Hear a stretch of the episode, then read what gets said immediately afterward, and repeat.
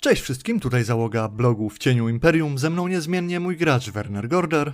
Jak zawsze też z nami nasz MG Rupert ze wsi Hojten. Tak, witamy was wszystkich i dzisiaj mamy taki wyjątkowy temat jak na to, o czym zwykle rozmawiamy, ponieważ dzisiaj mamy temat, który kierujemy do nowych ludzi związanych z RPGami, związanych z Warhammerem. Chcemy wam chwilę opowiedzieć, jak się przygotować do swojej pierwszej sesji, jak w ogóle zacząć grać w RPG, jak zacząć grać w Warhammera. Wiemy, że samo uniwersum Warhammera ma wielu fanów z powodu na przykład gier komputerowych czy bitewnych, czyli wiadomo wszelkie maści Total Wary, Vermintide i tak dalej, ale wiele osób też nie wie tak naprawdę jak grać normalnie w RPG, jak zacząć grać w te papierowe RPG, jak wejść do uniwersum, dlatego dzisiaj chcemy troszeczkę o tym porozmawiać, powiedzieć wam jak my sami zaczynaliśmy i jakie według nas są najlepsze rady, aby właśnie poznać prawdziwe papierowe RPG na przykładzie Warhammera. Tak, bo to wcale nie gryzie, jest strasznie fajną zabawą. Można to ciągnąć latami, czego my jesteśmy najlepszym przykładem. Dokładnie, ponieważ my zaczynaliśmy jakieś 20 lat temu, jak sami widzicie i słyszycie. Dalej w tym siedzimy, mimo że mieliśmy różne przerwy na przestrzeni naszych żywotów.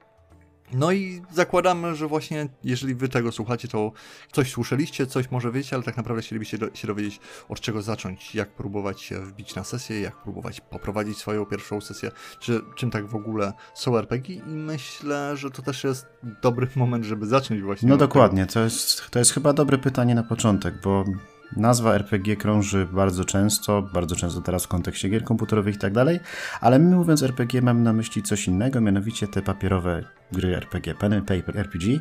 No i tak, Rupert, co to jest? Jak to się je? Jak to wygląda?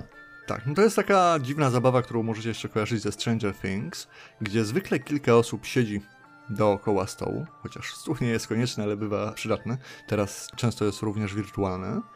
I każda z tych graczy wciela się w jakąś wymyśloną, stworzoną przez siebie postać na podstawie odpowiedniego podręcznika, a jedna z osób jest tak zwanym mistrzem gry, chociaż w różnych systemach różnie się to nazywa, bo można się spotkać z określeniami mistrz podziemi, strażnik tajemnic i tak dalej, ale dziś nie o tym.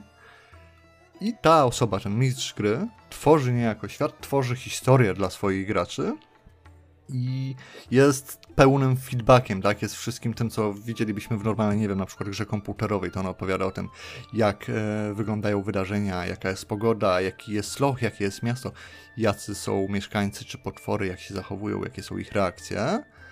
No i jak gracze decydują o tym, co ich postacie robią, dlaczego, jakie podejmują działania, tak mistrz gry na to im odpowiada, a jednocześnie stara się bardzo często wprowadzić prawda, jakąś historię, jakąś fabułę, wciągnąć graczy w swoją opowieść, bo właśnie papierowe RPG są tą opowieścią, którą wszyscy wspólnie staramy się stworzyć, tak, mistrzowie gry wraz z graczami. No dokładnie, bo to, że MG, mistrz gry, ma trochę więcej do powiedzenia, nie znaczy, że jest ważniejszy, bo tworzy się to wszystko wspólnie i to też i to jest taka sama opowieść jego, jak i tych graczy, którzy siedzą przy stole. Bo to oni mają swoje własne cele, swoje własne pomysły, oni chcą w tym świecie te pomysły zrealizować. No i MG ocenia, jakie są szanse na to, stawia jakieś wymagania, które są potrzebne do tego, żeby te cele zrealizować, no i razem tworzą opowieść, która dla wszystkich ma być w założeniu satysfakcjonująca i ciekawa. Oczywiście to jest jedna z takich pierwszych małych pułapek RPGów, gdzie ludzie często myślą, że, że na przykład mistrz gry jest najważniejszy, z jednej strony, albo z drugiej strony, że gra to jest troszeczkę taki pojedynek pomiędzy mistrzem gry a graczami, gdzie próbują się prześcignąć, gdzie mistrz gry próbuje niejako graczy pokonać, a gracze z kolei próbują pokonać mistrza gry, ale to zwykle nie powinno tak być, bo mimo wszystko to polega na wspólnym kreowaniu i tworzeniu opowieści i dalej powinno nas to pchać. I tu też jest też taka ważna rzecz i z tego może się, wydaje mi, często to brać, że zwykle jak przychodzi czas pierwszej sesji, pierwszego grania, to trzeba wybrać, kto tym mistrzem gry będzie. I biorąc pod uwagę, że tego słuchasz, drogi słuchacz, to prawdopodobnie padnie na ciebie, bo są spore szanse, że będziesz miał najwięcej informacji ze swoich znajomych. Albo na przykład udaje się znaleźć kogoś innego, kto będzie taki chętny, tak, kto chce poprowadzić, bo ten wybór jest bardzo ważny i znaczy bardzo ważny. Bardzo często determinuje to, kto będzie mistrzem gry na długie kolejne lata, tak naprawdę w naszych przypadkach tak, tak było, że pierwsza osoba, która powiedziała, no dobrze, to dziś ja poprowadzę, to potem musiała te brzemię nieść przez kolejnych wiele, wiele lat. Ale też nie zawsze tak musi być, prawda? Ale to nie jest tak, że właśnie się nie zmieniają gracze w tej roli. Poza tym, to, że ktoś prowadzi jeden system w jednym świecie, nie oznacza, że musi prowadzić w każdym. Można później iść przejść do innych światów, inne rzeczy. No ale tutaj zostawmy może trochę na bok świata. Światy, my tutaj jesteśmy z powodu Warhammera i to raczej z tego powodu tutaj trafiliście. No właśnie, jak zacząć tą pierwszą sesję Warhammera, jeśli o tym mowa? Pierwsza rzecz to jest y, znaleźć ludzi, bo w RPG zwykle gra się w jakimś gronie. Więc technicznie no, najłatwiejszym sposobem jest znaleźć ludzi, którzy już grają, prawda? Jak mamy znajomego, który prowadzi, to poprosić go, żeby nam poprowadził sesję, na przykład jak jeszcze mamy kilku znajomych, którzy też chcieliby zacząć. Ewentualnie już do gotowej grupy wbić się na sesję, powiedzieć, ej, słuchaj, jestem zainteresowany, czy można do was wbić? Jak mamy takiego znajomego, może nam zrobić miejsce na sesji. I ma to wiele swoich zalet, bo cały ten ciężar poznawania nowego hobby, prawda, jakby troszeczkę spada z naszych barków, bo mamy przewodnika, mamy kogoś, kto nam będzie na bieżąco tłumaczył wszystko, jak to robić i na co zwracać uwagę. Tutaj też nieocenionym źródłem pomocy może być internet, ponieważ istnieje mnóstwo różnych grup, czy to na Facebooku, czy społeczności na Discordzie, gdzie można Mhm. szukać graczy, mistrzów gry i spróbować się dokoptować do kogoś, kto już prowadzi. Chciałbym też zwrócić tutaj uwagę jednak na fakt, że tu może być taki mały problem, że wbijać do grona ludzi, którzy dłużej grają, może troszeczkę zaburzyć naszą perspektywę. W sensie oni mogą mieć bardzo specyficzny swój styl gry i to nie znaczy, że wszyscy tak grają, co może niektóre osoby zrazić. Zwłaszcza w kontekście, jak wiecie, y, mamy grać z ludźmi zupełnie nieznajomymi, jak chcemy, nie wiem, przez internet gdzieś do kogoś wbijamy na sesję. No może być tak, że ludzie robią coś zupełnie innego niż my byśmy się spodziewali. To nie jest tak, że wszystkie sesje muszą tak wyglądać, więc też zachowałbym tutaj taki zdrowy rozsądek w kontekście tego, że RPG to jest jednak taka bardzo społeczna zabawa, więc nie ma sensu robić tego z ludźmi, za którym nie, nie przepadamy, że tak powiem. No Prawda? dokładnie, zwłaszcza, że każda grupa ma swoją specyfikę, ludzie mogą się znać lepiej, gorzej, mogą się lubić mniej, bardziej. To różnie może wyglądać i szanse są bardzo duże na to, że ten sam system, ta sama mechanika u jednego MG w jednej grupie będzie wyglądał zupełnie inaczej niż u drugiego MG w innej grupie. Dokładnie. Zresztą e, no fakt, gdzie mieszkacie tak naprawdę będzie miał też wpływ poniekąd na to, co jest do waszej dyspozycji, bo jak mieszkacie w jakimś większym mieście, to na pewno istnieje tam jakiś klub fantastyki, istnieje jakiś klub fanów RPGów, pewnie również grupy larpowe, inne takie rzeczy, więc na pewno będzie jakieś miejsce do zahaczenia się. W mniejszych miejscowościach, jak mieszkacie poza różnymi miastami, jest to wiadomo z założenia trudniejsze. Za naszych czasów dobrze było znaleźć jakiś dom kultury czy coś takiego, gdzie działało właśnie jakieś stowarzyszenie, czy podobna instytucja właśnie zbierająca ludzi z okolic, którzy się interesowali fantastyką RPGami. Ale w dzisiejszych czasach no właśnie internet przychodzi tutaj z dużą pomocą, bo można zarówno znaleźć ludzi do grania w realu, czasami trzeba gdzieś podjechać, jak i również można grać po prostu przez internet wykorzystując wirtualne stoły. Dzisiaj o tym za dużo nie będziemy mówić, ale tak, jeżeli macie mikrofon, często kamerka też jest przydatna, to można grać jednak w RPG nie wychodząc z domu. To, który sposób grania jest lepszy, gorszy, jak łatwiej zaczynać, to już jest troszeczkę temat na inną opowieść, ale na pewno ta opcja istnieje, więc yy, warto w razie czego z niej korzystać, jak nie macie innych alternatyw. Ale druga rzecz też chciałbym powiedzieć właśnie a propos początku, bo tak wszyscy mówią, że najłatwiej jest znaleźć znajomego, żeby prowadził i tak dalej. I to jest prawda, tak może być najłatwiej, ale z drugiej strony my w sumie jak zaczynaliśmy to, wiecie, też nie mieszkaliśmy w wielkim mieście, zebrało się parę osób, które tak naprawdę bardzo chciało grać, nikt nie wiedział jak to robić do końca. I prawda jest taka, że się wtedy jeszcze nie znaliśmy i poznaliśmy się na tej sesji. Tak, dokładnie. Chcieliśmy się poznać, bo to było tak, wiecie, kilku znajomych, gdzie każdy kogoś znał i każdy był w jakiś tam sposób zainteresowany fantastyką. Ktoś tam czytał Tolkiena, ktoś tam grał w karcianki. A ktoś miał koszulkę Wejdera. Tak, dokładnie. I w ten sposób po prostu się spotkaliśmy chyba w piątkę wtedy. I mieliśmy jakiś kserowany podręcznik, bo tak to działało 20 lat temu. Żaden z nas nigdy tak naprawdę nie grał na poważnych sesjach, żaden z nas na poważnie nie prowadził. Niewiele o tym wiedzieliśmy, no ale był podręcznik, no, no i się zaczynało i próbowaliśmy. I tutaj też bym chciał przekazać taką, wydaje mi się, najważniejsza rzecz, że jak się zaczyna w zasadzie robić cokolwiek nowego w życiu, a z RPGami to jest na pewno też związane, to ilość, wiecie, błędy, pomyłki na pewno będą się zdarzać każdemu i to jest normalne. My gramy od 20 lat i do dzisiaj nam się zdarzają błędy i pomyłki, Mhm. więc no, powinniście to też traktować jako doświadczenie, które tak, no będą różne problemy na początku, ale będziecie się uczyć i można mieć zabawę z tego, że właśnie nie wszystko wychodzi tak jak powinno, nie zawsze się pamięta o zasadach, nie zawsze się robi wszystko dobrze, bo tak długo jak jest z tego radocha, to wydaje mi się, że jednak wszystko dobrze działa. Dokładnie, nawet jeśli przypadkiem zapomnisz sobie i zniszczysz świat i tak dalej, w sensie Okej, okay, to, to, też się może zdarzyć, ale chodzi mi o to, że rozbijesz tą spłynę świata wewnętrznego, to też nie jest nic strasznego, to zawsze można z tego jakoś wybrnąć i w najgorszym wypadku będzie fajna anegdota do opowiadania później. Nic się złego nie stanie. Poza tym prawda też jest taka, że no, nie ma złej sesji. E, tak, znaczy no, złe, złe sesje są wtedy, kiedy ludzie się nie bawią dobrze, tak? To Dokładnie, jest... jeżeli ludzie bawią się dobrze, to nie ma złej sesji to ta sesja była dobra. Jeśli się ludzie pokłócą, to jest złe, ale wtedy to są szanse na to, żeby nauczyć się czegoś, jak podchodzić do ludzi i takich umiejętności miękkich, interpersonalnych, żeby takich konfliktów unikać w przyszłości, więc to zawsze jest jakaś możliwość nauki. Natomiast jeśli chodzi o samą sesję, no to właśnie, jeżeli ludzie dobrze się bawią, to cokolwiek się wydarzyło, to jest dobrze. Dokładnie, zresztą właśnie tutaj też w tym temacie chcę powiedzieć, że pamiętam jak my byliśmy młodzi, co było dawno temu, to wtedy taką inicjacją wiele osób próbowało na przykład dostać się na sesję tylko po to, żeby posłuchać, żeby mieć jakiś y, obraz tego, jak to w ogóle wygląda, bo nikt się nie chciał decydować, że okej, okay, to ja będę grał, a tym bardziej prowadził na pierwszej sesji, ale jak ktoś był zupełnie zielony, ale wiedział, że towarzystwo gra, to tak próbował, o, czy mogę wpaść, posłuchać, zobaczyć jak to wygląda. No ale to były wiadomo czasy, gdzie internet się donosiło z piwnicy wiadrem. Teraz... A koncepcja tego, że ty siedzisz tam i udajesz kogoś innego, była dziwna i wydawała się naprawdę czymś dziwnym. Tak, teraz plus jest taki, że sesje można czyjeś oglądać w internecie czy na Twitchu. Oczywiście na naszym kanale są nasze sesje, ale internet jest tego pełen, naprawdę możecie poszukać różnych sesji.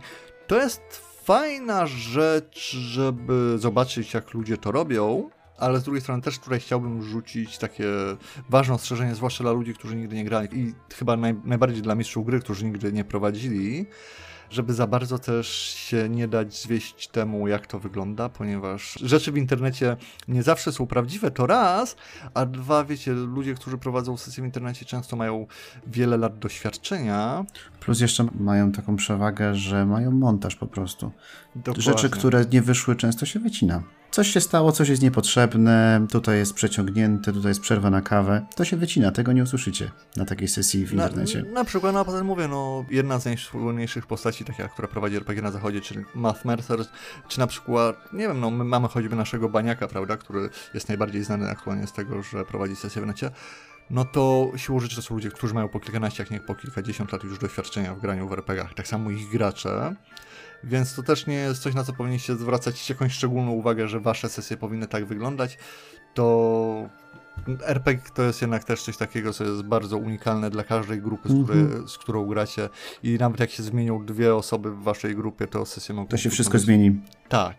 Więc yy, mówię, nie próbujcie grać tak, jak grają ludzie, którzy robią to od lat jest coś takiego, że każdy musi znaleźć swój styl prowadzenia, każda grupa musi znaleźć swój styl grania, żeby to dobrze działało. No i prawda też jest taka, że nie każda grupa będzie w stanie to znaleźć, w sensie nie każde towarzystwo będzie dobre do tego, żeby grać razem.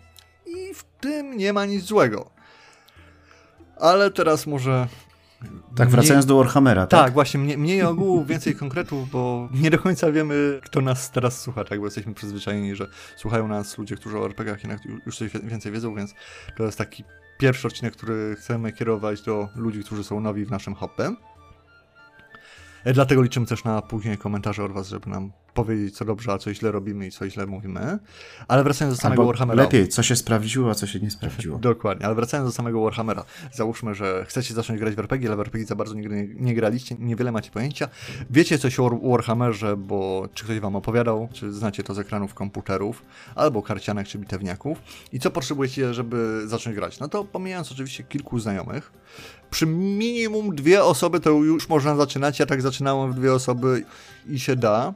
Tutaj jeszcze tak dodam mały odnośnik, że teoretycznie są takie rzeczy jak sesje dla jednej osoby, że się kupuje książkę, ale to nie na dzisiaj, paragrafówki sobie odpuścimy. Więc potrzebujecie, e, żeby była was przynajmniej dwójka. Druga rzecz, którą dobrze jest mieć, to jest podręcznik. Mhm, czyli ten główny zbiór zasad i świat opisany tak e, w stopniu wystarczającym do tego, żeby w nim się poruszać i grać. Tak, dokładnie, wraz ze wszystkimi zasadami i wieloma, wieloma innymi rzeczami. Podręczniki do Warhammera mają ten plus, że generalnie, żeby zacząć, zwykle wystarcza tylko pierwszy, jeden główny podręcznik. W tym momencie jest też najważniejszy według wielu wybór w całym waszym życiu, czyli wybór edycji Warhammera, w którą zamierzacie grać. I zakładam, że tutaj będzie dużo komentarzy, która jest lepsza, która gorsza. Ja powiem wam tak. Jeżeli macie dostęp do jakichś podręczników, nie wiem, po starszej siostrze, koledze ze studiów, cokolwiek, śmiało. To weźcie tamte. Weźcie tamte. Jeżeli musicie kupować coś nowego, aktualnie polecam czwartą edycję, bo ona właśnie wyszła po polsku, będzie wydawana. Nie musicie wydawać fortuny na podręcznik, żeby go dostać, jak to ze starymi edycjami teraz bywa. I tak jest najprościej. Tutaj wiele osób i każdy fan Warhammera będzie wam mówił, dlaczego jednak jego ulubiona edycja Warhammera jest najlepsza, dlaczego tam jakieś zasady są najlepsze. Prawda jest taka, że w większości wypadków sprowadza się do tego, że ktoś grał w coś 10 czy 20 lat i po prostu uważa, że to jest najlepsze na świecie. Ja bym się tym nie przejmował. My zaczynaliśmy na pierwszej edycji, też uważamy, że ona jest najlepsza na świecie, ale przerzuciliśmy się na czwartą, bo czwarta jednak jest praktyczniejsza z wielu powodów i tyle. Chociaż nie pozbawiona wad, bo żaden podręcznik nie jest pozbawiony wad. Dokładnie. Ale prawda też jest taka, że jak właśnie macie dostęp, nie wiem, do jakiegoś starego podręcznika, czy to z pierwszej, drugiej edycji i chcecie zacząć, nie chcecie wydawać za dużo pieniędzy na początek, mówię, na początek to mi się wydaje, że niewiele zmieni. Ludzie będą mówili tak, że pewne podręczniki są trudniejsze do nauczenia, tamte są łatwiejsze do nauczenia. Prawda jest taka, że jak zaczynacie, no to siłą rzeczy musicie troszeczkę czasu na to poświęcić, ale tak długo jak jest chęć i ochota, to mi się wydaje, że to nie jest aż taki wielki problem, tak? Te zasady się będą myliły, będzie się popełniało No dokładnie. błędy. Poza tym, wiesz, jeśli chodzi o te podręczniki i tak dalej, no to dużo lepiej wziąć jakiś podręcznik, który jest dostępny, sprawdzić, czy się podoba i w najgorszym wypadku stwierdzić, że to nie jest dla mnie, niż nie wiadomo ile inwestować w najnowsze i dojść do takiego samego wniosku po jakimś czasie. Dokładnie, tym bardziej, że jest taka możliwość, że może wam się na przykład spodobać idea RPGów, ale może z jakiegoś powodu wam się nie spodobać Warhammer, co oczywiście jest wielką herezją, ale nie po to mamy mnóstwo innych systemów, żeby grać tylko w jeden.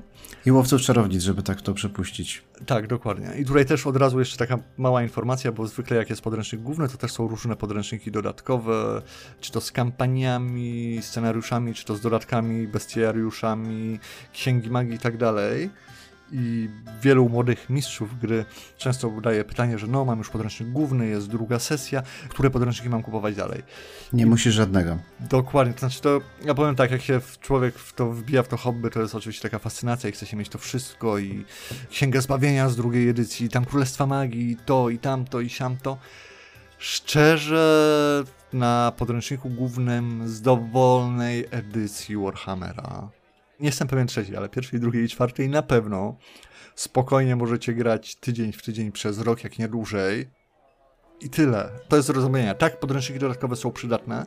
Warto je kupować bardzo często, ale też nie myślcie, że to jest coś obowiązkowego, co trzeba od razu na początek, bo bez tego się nie da grać, bo tam musicie mieć dodatkowe zasady do tego, żeby ktoś był wilkołakiem, a ktoś inny, żeby, nie wiem, potrafił rzucać sopelkami lodu, bo jest z Kislewu. Naprawdę na spokojnie nie powinniście się tym przejmować. Wielkim tak naprawdę plusem RPGów, zresztą jak pamiętamy, jako hobby było to, że o ile może pożreć naprawdę absurdalne ilości gotówki, jak człowiek chce na to wydawać, o tyle prawda jest taka, że w większości systemów główny podręcznik wystarcza na naprawdę długie godziny zabawy dla wielu ludzi. Mhm, a rzeczami, które są potrzebne, to jest kartka papieru i ołówek, żeby zapisać statystyki. No i kostki się czasami przydają. Tak, to prawda. Chociaż tutaj też przyznam, że początkującym mistrzom gry polecam korzystać również z gotowych scenariuszy, zresztą zaawansowanym mistrzom gry polecam to samo. Bo o ile jak najbardziej tworzenie własnych scenariuszy to jest fajna zabawa i sam wspieram i uważam, że to jest fajny sposób na granie w RPG, o tyle gotowe scenariusze dają nam jednak fajny punkt odniesienia i to też jest fajna rzecz na początek, żeby zobaczyć jak to się robi. To też Mhm. pamiętajmy, że jest dużo darmowych, dostępnych w internecie scenariuszy, czy to do różnych systemów, czy ogólnych scenariuszy, czy na przykład do czwartej edycji nawet od wydawców. Możecie sprawdzić na stronie Copernicus Corporation. Zwykle też w podręcznikach głównych jest przynajmniej jedna przygoda jakby załączona do tego, więc to też nie jest problem, tak? To też nie jest coś, na co trzeba wydawać pieniądze. To jest coś, co po prostu jest darmowo dostępne. Dobra, to co? Chyba lećmy dalej. Mhm. I co robimy na pierwszej sesji? Zakładamy, że macie już jakiś podręcznik, macie jednego lub więcej graczy, którzy postanawiają się pojawić w tym samym miejscu o tym samym czasie, no chyba, że gracie przez internet. I na co warto zwrócić uwagę, tak? To już teraz chyba wchodzimy na tematy pierwszej sesji, ale może też coś tak krótko uda nam się powiedzieć, żeby być jakąś pomocą, jeżeli coś takiego próbujecie zrobić. Więc będziemy mówić chyba, jak to się robi w realu, ale można to zaadoptować oczywiście przez internet. Więc polecamy mieć miejsce, w którym będzie relatywnie cicho i nikt nie będzie wam przeszkadzał, w sensie ani dzieci, ani matki wam nie będą nagle wpadali do pokoju. Tylko możecie mieć tak kilka godzin spokoju, gdzie rzeczywiście można pograć, pogadać. Zapalanie świeczek i innego tego typu rodzaju nie jest konieczne, chociaż może czasami wspomóc budowę klimatu i tak dalej, tak, samo Tak. jak muzyka odpowiednia. Tutaj dodałbym element, że stół, jak zamierzacie korzystać z kości nie tylko, jest bardzo przydatnym elementem tego wszystkiego. Dobrze jest siedzieć jednak obok stołu, chociaż prawda jest taka, że nie w takich miejscach można grać. My graliśmy w parkach, graliśmy w piwnicach, graliśmy wszyscy siedząc w pokoju na podłodze, bo tak było wygodniej. Niemniej jednak dobry stół z dużym blatem, przy którym wszyscy wygodnie sobie siedzą, jest miejsce na karty postaci, jest miejsce na kości, jest miejsce na podręczniki. Jest czymś, co na pewno warto mieć, tak bym powiedział. No i pierwsza rzecz, no to przede wszystkim się nie przejmować i zacząć to robić, jak już przy tym siedzicie, bo jest taki moment, gdzie jeszcze ludzie są w świecie zewnętrznym, a jeszcze nie weszli w ten świat, który staracie się przedstawić jako MG, no to to może być takie trochę deprymujące, żeby to wejść, ale twoim zadaniem jako MG jest po prostu to przerwać, przełamać i po prostu zacząć opisywać, jak wygląda ten świat, który przedstawiasz. I po prostu od pewnego momentu zaczynasz to robić. Tak, bo tutaj jest też taka ważna rzecz, że wiecie, w tym hobby tak naprawdę siedzimy właśnie gdzieś tam przy stole i udajemy przed sobą wzajemnie, że jesteśmy jakimiś tam elfami, krasnoludami czy innymi czarodziejami. I to jest trochę głupie i śmieszne, jak człowiek na to patrzy z zewnątrz. I trzeba to po prostu zaakceptować, tak? Teraz będziemy się wygłupiać i tyle. I, i lecimy z tym koksem. I jakoś to leci. Zwykle, no, niestety tak jest, że na mistrzu gry zazwyczaj spoczywa ten ciężar nie jako pierwszego wygłupu, że, on musi zacząć, wiecie, tymi słowami, no, siedzicie w karczmie i nagle gospodarz zwraca na was uwagę i mówi, a, co tam ciekawego u was? I tak jest to głupie i śmieszne, jak się patrzy z zewnątrz, ale trzeba zacząć właśnie jakąś tę piłeczkę odbijać. Dalej to leci.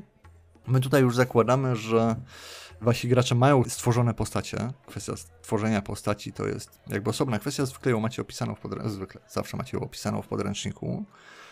Ale no, dzisiaj też nie chcemy, żeby ten odcinek był za długi. Jako mistrz gry natomiast macie prawdopodobnie już jakiś scenariusz. Czy to jest y, wasz autorski pomysł, coś co sobie stworzyliście, wymyśliliście, lub jak często ja to polecam robić, ukradliście skądś indziej, czy to z książki gry, czy filmu. No i to jest ten moment, gdzie należy zacząć właśnie graczom opisywać jakieś miejsce, jakieś postacie, które się do nich odzywają i zadać to wiekopomne pytanie, co, Co robicie? robisz? Tak. I pamiętajmy, że w większości wypadków, zwłaszcza na pierwszych sesjach, bardzo często wielu graczy jest takich bardzo reaktywnych, trzeba z nich niejako wyciągać te informacje, oni starają się siedzieć w ciemnych kątach gospod i patrzeć na wszystko podejrzliwie, zwłaszcza jeżeli ich doświadczenia sprowadzają się tylko do gier komputerowych, gdzie bardzo często troszeczkę inaczej to działa, jeżeli myślimy o komputerowych RPGach, ale to też nie jest duży problem. Specjalnie pierwsze scenariusze bardzo są często rozpisywane dla graczy i dla mistrzów gry jako bardzo podstawowe, jeżeli chcecie poprowadzić coś swojego. Prawda jest taka, że na początek dobrze spróbować czegoś na zasadzie właśnie, nie wiem, idźcie do piwnicy, zabić pająki i przynieście butelkę wina, bo to nie brzmi może jak rewelacyjna i ciekawa przygoda, ale dobrze jest troszeczkę pograć, żeby sobie sp- spróbować się z tym e, Oswoić, oswoić, po prostu. tak, zwłaszcza, najzwyczajniej. Zwłaszcza na przykład pozbyć się takiego początkowego przyzwyczajenia, że siedzisz przy tym stole i jako gracz mówisz, no dobrze, to w takim razie moja postać robi to i to. Albo moja postać mówi, żeby spadł na drzewo. Moja postać mówi, że coś tam, coś tam. Trudno się przełamać, żeby przestać mówić moja postać mówi, tylko powiedzieć nie. Idę tam i tam, i mówię do karczmarza, gdzie jest moje piwo? Żeby zacząć to mówić i zachowywać się jakby w pierwszej osobie, żeby odgrywać tą postać, którą się, no odgrywa, którą się najpierw stworzyło na tej karcie postaci. To prawda, chociaż tutaj też zaznaczę, że właśnie to ma swoje wady i zalety takie podejście, a odgrywanie postaci na zasadzie mówi, że nie wiem, Conan Barbarzyńca, mój bohater, mówi to i to albo robi to i to w taki sposób. też ma swoje wady i zalety, jeżeli chodzi o kwestię grania i powiedzmy prowadzenia sesji, ale to nie jest temat e, na dzisiaj, bo o tym jak grać, odgrywać i bohaterów niezależnych i postacie graczy, RP graczy dyskutują od dziesiątek lat. Mhm. Każdy ma swoje poglądy na to. No w każdym razie taki powinien być początek. E, Jeszcze z takich początkowych rzeczy, to z czego można korzystać, niektórzy ludzie tak e, robią, na przykład żeby sobie ograć system, niejako przyzwyczaić do rzutów, bo tutaj wiadomo, że RPG wprowadzają ze sobą różne dziwne kostki. Można próbować się po prostu umówić na na przykład rozegranie, rozegranie jakiejś prostej walki, gdzie okej, to ty bierzesz orka, ja biorę tutaj gladiatora i po sobie porzucamy, postaramy się ograć ten system, zobaczyć jak to działa, żeby się nauczyć, żeby się obyć z tym wszystkim, prawda, żeby wiedzieć, okej, co oznacza rzut na WW, co oznacza lokacja trafienia. To jak będziecie ciężko grać mechanicznie zależy od wielu czynników i pewnie się będzie zmieniało, zwłaszcza na początku. Ale jest to też jakiś sposób właśnie na to, żeby podejść do tej nieznajomej, dziwnej bestii, jaką są RPG, prawda, i próbować ją na początek troszeczkę oswoić. No tak, takie sparingi to jest chyba coś, co wszyscy kiedyś robiliśmy, zwłaszcza kiedy staraliśmy się opanować właśnie nowy system. Taka przykładowa walka między jednym, dwoma przeciwnikami, jeden kontra dwóch, żeby posprawdzać sobie, jak to właśnie działa, kiedy nie ma emocji i nie leży na szali życie żadnej z postaci. Zresztą jako podstępne MG możecie też zacząć od razu po tej walce improwizować i pytać, no dobrze, więc zabiłeś tego orka, co robisz dalej, prawda? I iść na żywioł, bo i takie rzeczy się zdarzają, mają swój urok. Zresztą tutaj też jest taka jedna rzecz, którą chciał dodać właśnie wszystkim początkującym mistrzom gry, bo ludzie zawsze się boją, z tego co tak widzę na forach, tak dalej, improwizować, bo boją się, że nie będą w stanie zareagować, jak gracze wymyślą coś dziwnego. I o ile czasem to jest e, wyzwanie, no to prawda jest taka, że to jest coś, co po prostu trzeba Ćwiczyć. Trzeba tak próbować robić i czasami się udaje, a czasami się nie udaje. Mistrzowie gry z wieloletnim doświadczeniem od czasu do czasu mają straszną wtopę, bo powiedzą coś z głupiego na system czy setting, w którym grają i nagle się Mhm. okazuje, że nie wiem, łowca czarownic powie tak, złóżmy ofiarę mrocznym bogom i wiecie, bo no bo MG popełnia błędy, jak każdy i to jest normalne. I też słuchajcie, jak jesteście mistrzami gry, którzy właśnie przygotowują się do pierwszej sesji, nie przesadzajcie też z tym prepem, z całym tym przygotowaniem, bo prawda jest taka, że sesja w 100% nigdy nie będzie przygotowana, bo się nie da zrobić sesji dopiętej na ostatni guzik, bo jeden guzik zawsze jest, zawsze jest odpięty, nieważne czy siedzicie nad sesją pół godziny, czy siedzicie pół roku. Poza tym to jest trochę jak z planem i z przeciwnikiem. Żaden plan jeszcze nie przetrwał konfrontacji z nieprzyjacielem. Dokładnie, jak tylko Więc- zaczniecie Każdy scenariusz w pewnym momencie gracze coś wymyślą, czego i tak nie przewidzieliście. Tak, jak zaczniecie tylko prowadzić, to gracze zaraz zaczną kombinować, jak zniszczyć wasze właśnie wspaniałe, cudowne plany. Oni to robią podświadomie, tak już po prostu jest, to jest jedno z prawideł e, świata. A druga rzecz jest taka, że jeżeli macie w miarę ogólny zarys tego swojego scenariusza, to dużo łatwiej jest wam się dostosować, prawda, jeżeli gracze coś dziwnego wymyślają. Oczywiście są różne sposoby prowadzenia, mówię też tutaj, polecam wykorzystywać scenariusze gotowe po to, żeby się nauczyć, zobaczyć jak to jest konstruowane i mi się wydaje, że to jest jednak rzecz, do której nawet doświadczeni mistrzowie gry powinni co jakiś czas wracać, żeby mieć jakiś punkt odniesienia.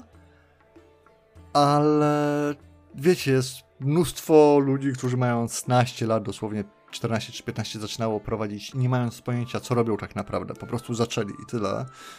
I tak samo powinno być w waszym wypadku. To jest troszeczkę jak e, z nauką jazdy na rowerze. W pewnym momencie trzeba zaufać, że się nie, e, nie przewrócicie.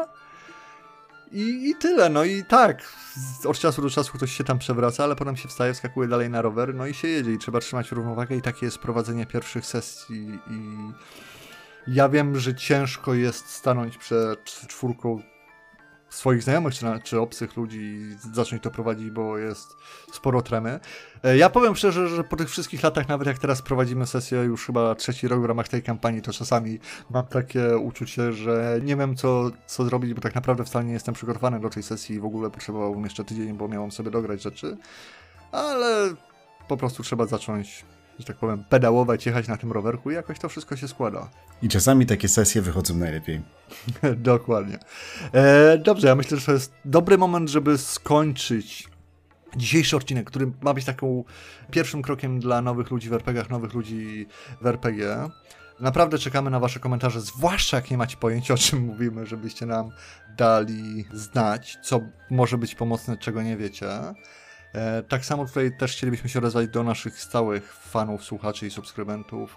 Co, E. co wy byście podsunęli początkującym graczom w tym momencie, żeby no ich... Droga była łatwiejsza. Tak, droga była łatwiejsza, no i żeby, żeby generalnie podtrzymać to hobby, które jest bardzo fajne i bardzo fajnie się rozwija w ostatnich latach.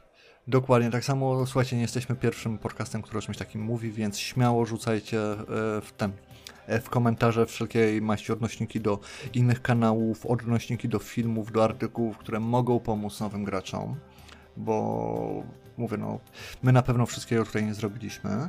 W tym momencie też chcielibyśmy zrobić taki mały shout-out e, dla pewnego kanału na Discordzie, który jest z nami zaprzyjaźniony, czyli Polskie Młotki. To jest społeczność, która skupia fanów Warhammera, ale zwykle tych, którzy właśnie w RPG nie grają, tylko fanów Total War'a, fanów bitewniaków, nawet fanów takich gier jak World of Tanks, którzy też dzielą jakąś, jakąś miłość do Warhammera, więc chcemy ich pozdrowić. Link do nich znajdziecie w opisie tego filmiku. Znajdziecie również opis do naszego Discorda, gdzie możecie pograć i popytać z ludźmi, którzy już trochę w RPG grają. I tyle, czekamy na Wasze komentarze, czekamy na Wasze opinie i czekamy na Wasze pomysły, bo jak już mówiliśmy, to jest nasz pierwszy raz, y, gdzie staramy się przekazać jakąś mądrość, którą może nam się udało na przestrzeni tych wszystkich lat zebrać dla ludzi, którzy dopiero zaczynają. Życzymy Wam mnóstwa własnych sesji i dobrej zabawy w RPGach, tak jak wreszcie zaczniecie grać, bo warto. Dokładnie tak. A tymczasem nie zawracamy Wam głowy. Bierzcie podręcznik, zbierajcie kości, zapraszajcie znajomych. Miłej zabawy. Bawcie się dobrze, no i chwała Imperium.